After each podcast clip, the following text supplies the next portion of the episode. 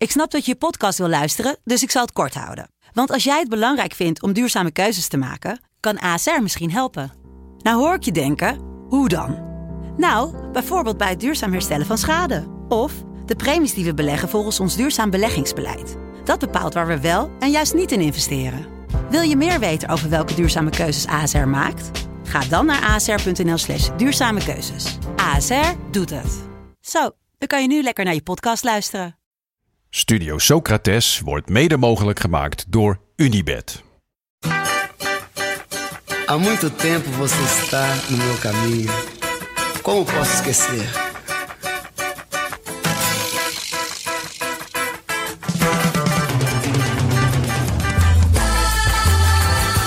Welkom bij Studio Socrates, een podcast over alles wat voetbal mooi maakt. A beleza é você, menina. Menina, no seu jeito de olhar. Het is begonnen, Daan. Ja. Onze eerste aflevering eh, is, van dit seizoen dan, in on- zo'n nieuwe samenstelling, is eruit. Hij staat online. Hij staat online. Als je hem nog niet hebt geluisterd, doe dat eerst, denk ik, toch? Ja, Alles over Berbatov. Wat een dankbaar onderwerp was het. wat een goede set om de eerste over hem te maken. Ja, no- geen seconde spijt Een van feest. gehad. Maar we hebben ook beloofd dat we eh, niet alleen op woensdag eh, uitkomen met een aflevering, maar ook op vrijdag met een korte aflevering. Ja, niet weer een, eh, een hele aflevering over een speler op vrijdag. Nee. Maar een kort snackje eigenlijk. Ja, een, een, een klein tussendoortje wat je even, even voor het weekend even Ja. in te gaan, even lekker fris. En dat heeft dan iets te maken met de aflevering die we komende week woensdag eh, online zetten. Ja, En we, dus dat gaat weer een speler zijn. En dan lichten we elke vrijdag daar een soort een kenmerk of een eh, iets uit wat bij die speler hoort. ja. ja, dus je hoort ook eigenlijk elke vrijdag eh, over, over wie de volgende aflevering gaat. Ehm, dus dat kunnen we nu bekend gaan maken eigenlijk, hè? Ja, nou ja, zo bijzonder is het natuurlijk ook niet. Maar het is wel leuk alvast Ja. om te weten. Het wordt namelijk een aflevering over Martin Eudegaard. Ja. Ja, heel veel zin in. Ehm, en als ik aan Martin Eudegaard denk, eh, dan denk ik aan ja, een soort van puur voetbaltalent. Dus dat aspect gaan we in deze aflevering eh, een klein beetje uitdiepen. Zoomen we alvast op in. En je moet het eigenlijk zo zien. Stel dat we een aflevering over Zidane zouden maken. Dan zou het bijvoorbeeld kunnen gaan over de meest sierlijke voetballers. Eh, Jan Koller zou het kunnen gaan over de beste targetmannen ooit. Leuk. Uh, dus op die manier gaan we van elke speler die we behandelen alvast even kort inzoomen op een, uh, ja, op een mooi aspect van uh, hem of haar misschien wel in de toekomst. Dus we hebben het nu vooral over uh, talent. Um, nou ja, jij hebt hoog gevoetbald. Jij kan het misschien beter analyseren dan ik. Wat, wat, wat is talent eigenlijk? En in dit geval, in dan met name in dit geval natuurlijk voetbaltalent. Ja. Waar, waar zit dat in? Ja, nou, de, de dikke van Dalen zegt dat talent het aangeboren vermogen om iets goed te kunnen is. En op een voetbalveld uit het zich voor mij heel erg in dat, je, dat er eigenlijk geen tijd tussen de handeling zit en de daadwerkelijke uitvoering daarvan, zeg maar. Dus spelers met heel veel talent die voetballen gewoon. En elke keer als zij een paas geven of een actie doen of schieten, denk je, oh ja, logisch. Een soort van, het, het klopt allemaal, het gaat vanzelf, het is heel intuïtief. Um, er zit geen tijd tussen het bedenken en het uitvoeren, het gebeurt gewoon. En dat is, nou ja, zoals je merkt, best wel abstract en best moeilijk om goed onder woorden te brengen. Maar ik, ik vind dat je het gelijk ziet op een voetbalveld. Ik weet dat Ronald Koeman een keer dat, dat zei over P3 bijvoorbeeld. Van ja, de jochie trainde mee. 17 jaar was hij geloof ik toen of 16.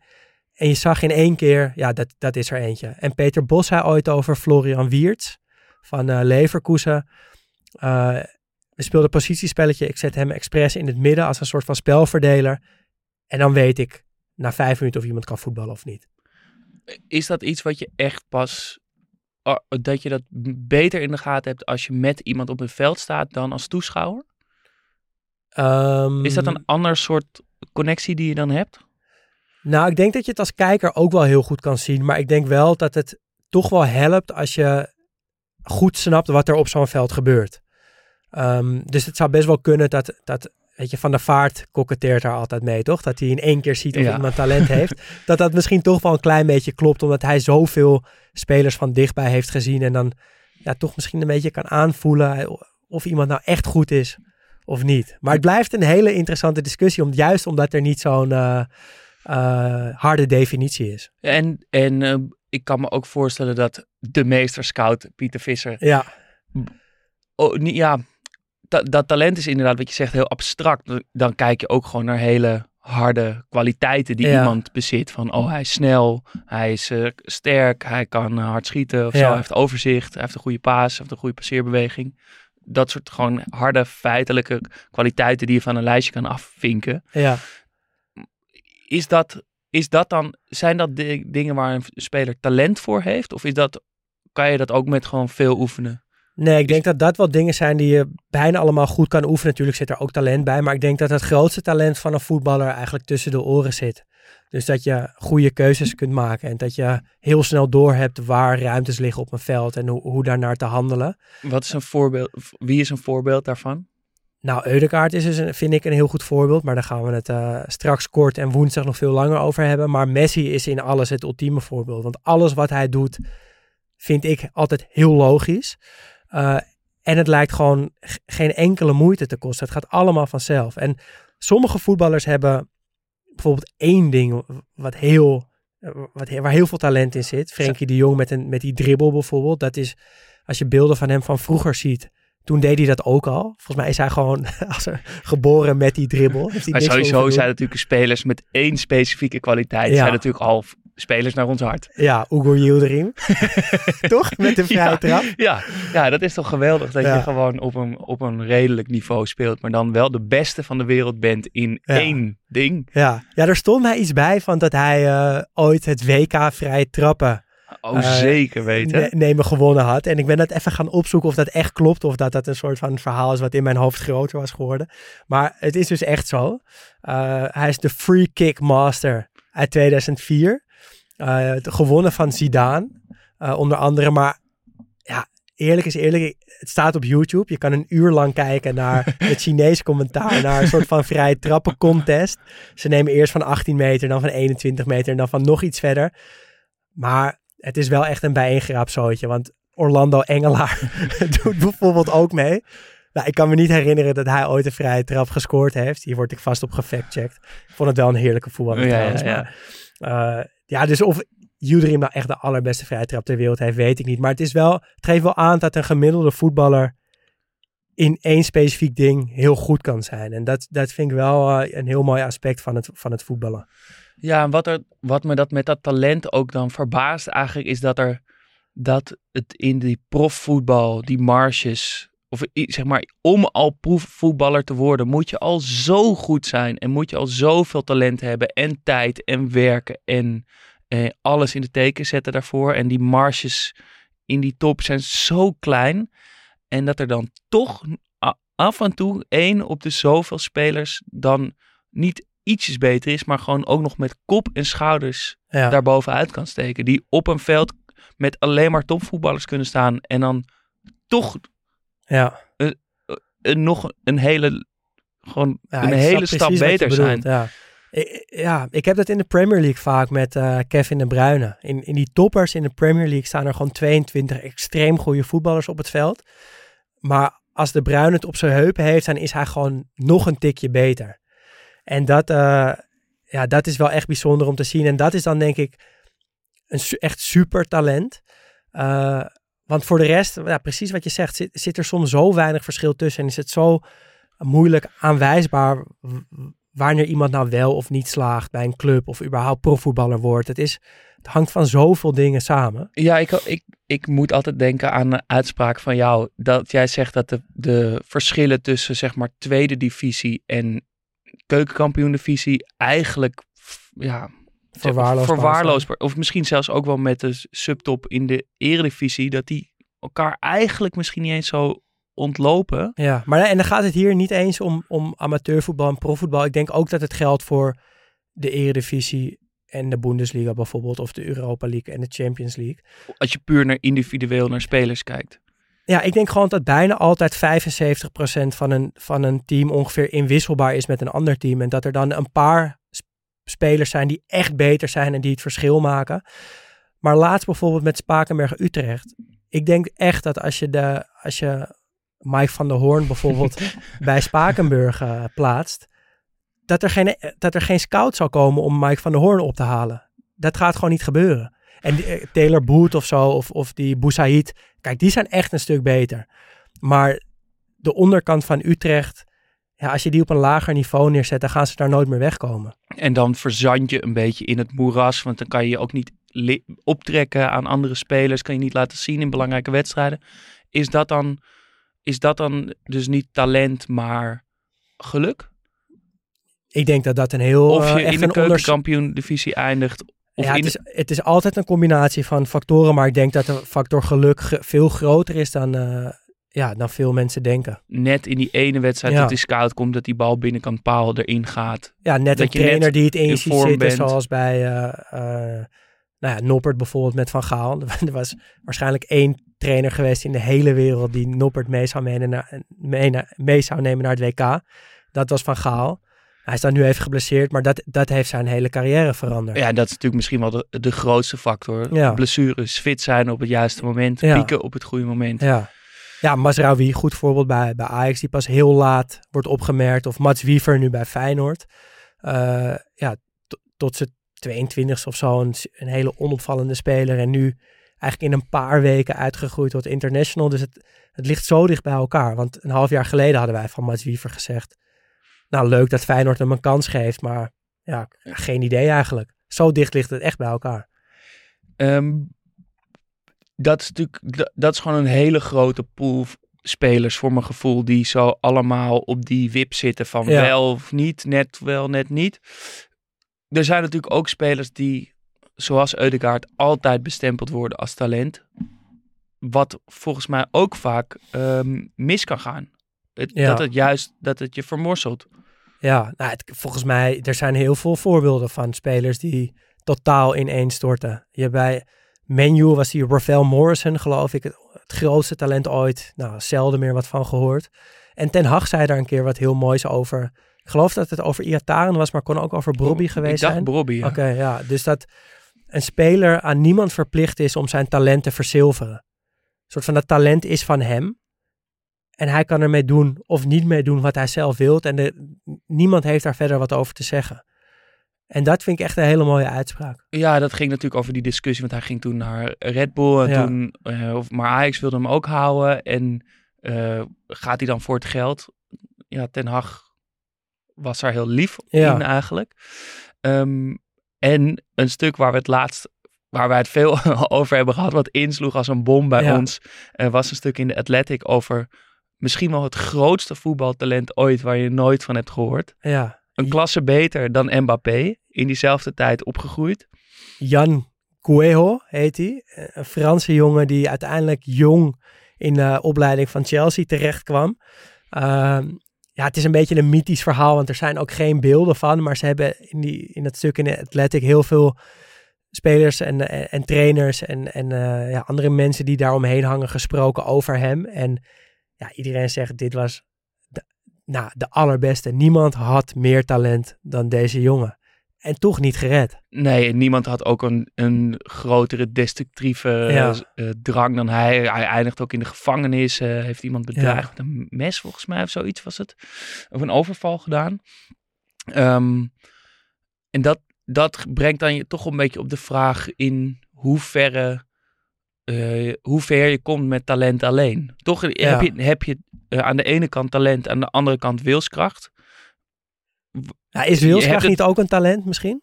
Ja, dat is... Toch? Ja, maar als je kijkt naar puur voetbaltalent en dus Ja. zoals die Gueo, nul mentaliteit. Wat, hoeveel dat, dan kom je er dus ook niet. Ook Nee. al ben je de aller, aller, allerbeste, is er nog nooit iemand op aarde geweest met meer voetbaltalent dan jij. En je hebt niet die wilskracht, dan, dan komt het er dus ook niet uit. Nee, nee. Nee, want daarvoor zijn er te veel goede voetballers die, of tenminste voetballers die ook wel goed zijn met dus wel dat doorzettingsvermogen en wilskracht en alles ervoor eh, voor doen en laten om, om het te halen. Ja, die eigenlijk heel weinig talent hebben, maar Ja. gewoon puur op... Nou ja, eh, niet lullig bedoeld, maar Wout Weghorst is daar toch een ultiem voorbeeld van. Ja, Die heeft nou, die heeft natuurlijk wel ook wel echt talent. Jawel, maar wel relatief weinig.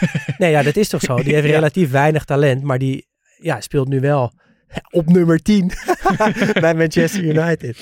Eh, la- laten we ook dan nu een beetje richting eh, volgende week woensdag gaan. Ja, Richting het talent van Odegaard. Ehm, we gaan het er dan uitgebreid over hebben. Maar wat is, wat is zijn talent?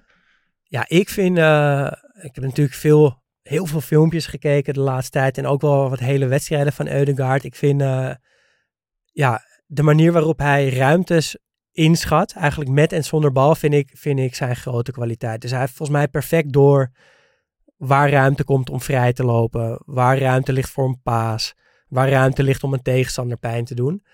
En ik vind dat ook het mooiste talent wat er is, om, omdat het eh, een van de weinige talenten is die niet heel erg meetbaar is of zo. Ja, het komt nu, begint nu een beetje op te komen dat, dat van die wetenschappers dan gaan tellen hoe vaak iemand om zich heen kijkt en daar waardes aan eh, hangen. Het scannen. Ja, maar Maar ja, het scannen is één ding. Ja. Het, het, het, de ruimte zien, maar het kunnen uitvoeren. Die bal op Ja. precies de goede snelheid geven. Dat is natuurlijk wel... ja, En dat moet je dan...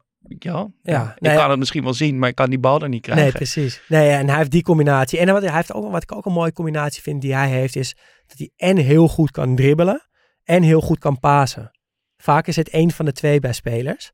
Niet zo vaak dat ze dat allebei goed kunnen. En hij kan het wel allebei goed. Ja, en, en dat wat je zei over het talent van ruimtes zien, dat gaat ook zo eh, over het voetbalspel. Ja, Dat, zo, het gaat zo over het hele, het, waar het spelletje eigenlijk om draait, ja. toch? Het is, heel, het is het puurste. het, het overkoepelt eigenlijk het hele, eh, Ja. het hele voetbal. Ja. ja, je kan alles eronder hangen eigenlijk. Ja, het uiteindelijk, ik bedoel, je kan wel heel snel zijn en, eh, en eh, Heel hard kunnen heel, schieten. heel hard kunnen Ja. schieten of zo, dan, dan kan je in een team passen met die ene kwaliteit. Maar dat, het overstijgt natuurlijk alles Ja, als je het spel begrijpt. En dat wordt vaak over spelers zoals Eudegaard of zo'n Fabregas of zo. Wordt altijd gezegd, die ziet het spel. ja. En dat is natuurlijk eh, misschien wel zijn grootste talent.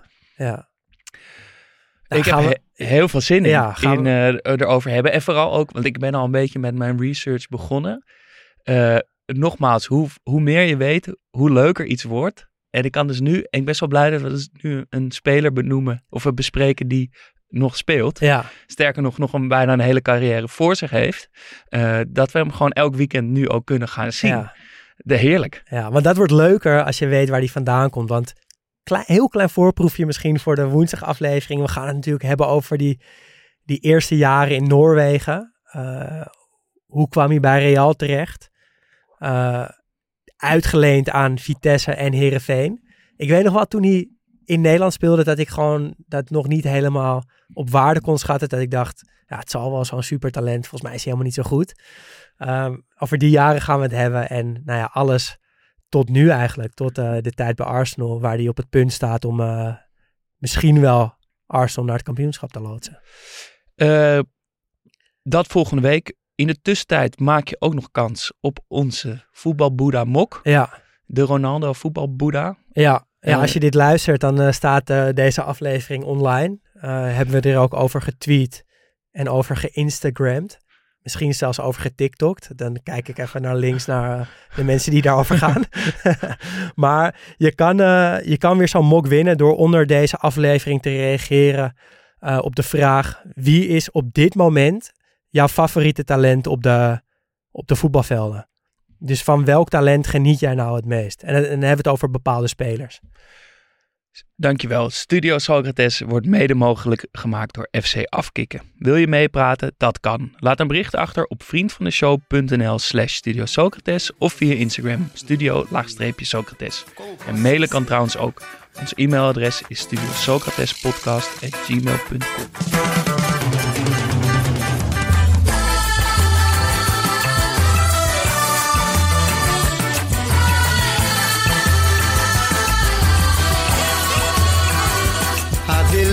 você, menina. Menina, no seu jeito de olhar. O sucesso é você, menina, menina, no seu modo de andar. Alegria é você, menina, menina, no sorriso que dá. Vendaval por amor, menina, menina, todos querem te amar. Ei, vento, vento, vento no mar, te segura no balanço, o vento não te levar. Ei, vento, vento, vento no mar, te segura no balanço, pro vento não te levar. Já sei que não vai ter jeito pra poder te conquistar. Se você olhar pra mim, menina vou te amar. Já sei que não vai ter jeito pra poder te conquistar. Se você olhar pra mim, menina, vou te ganhar. Ei, vento, vento, vento no mar. Te segura no balanço vento não te levar. Ei, vento, vento, vento no mar. Te segura no balanço pro vento não te levar. Como posso te esquecer? Não tem jeito.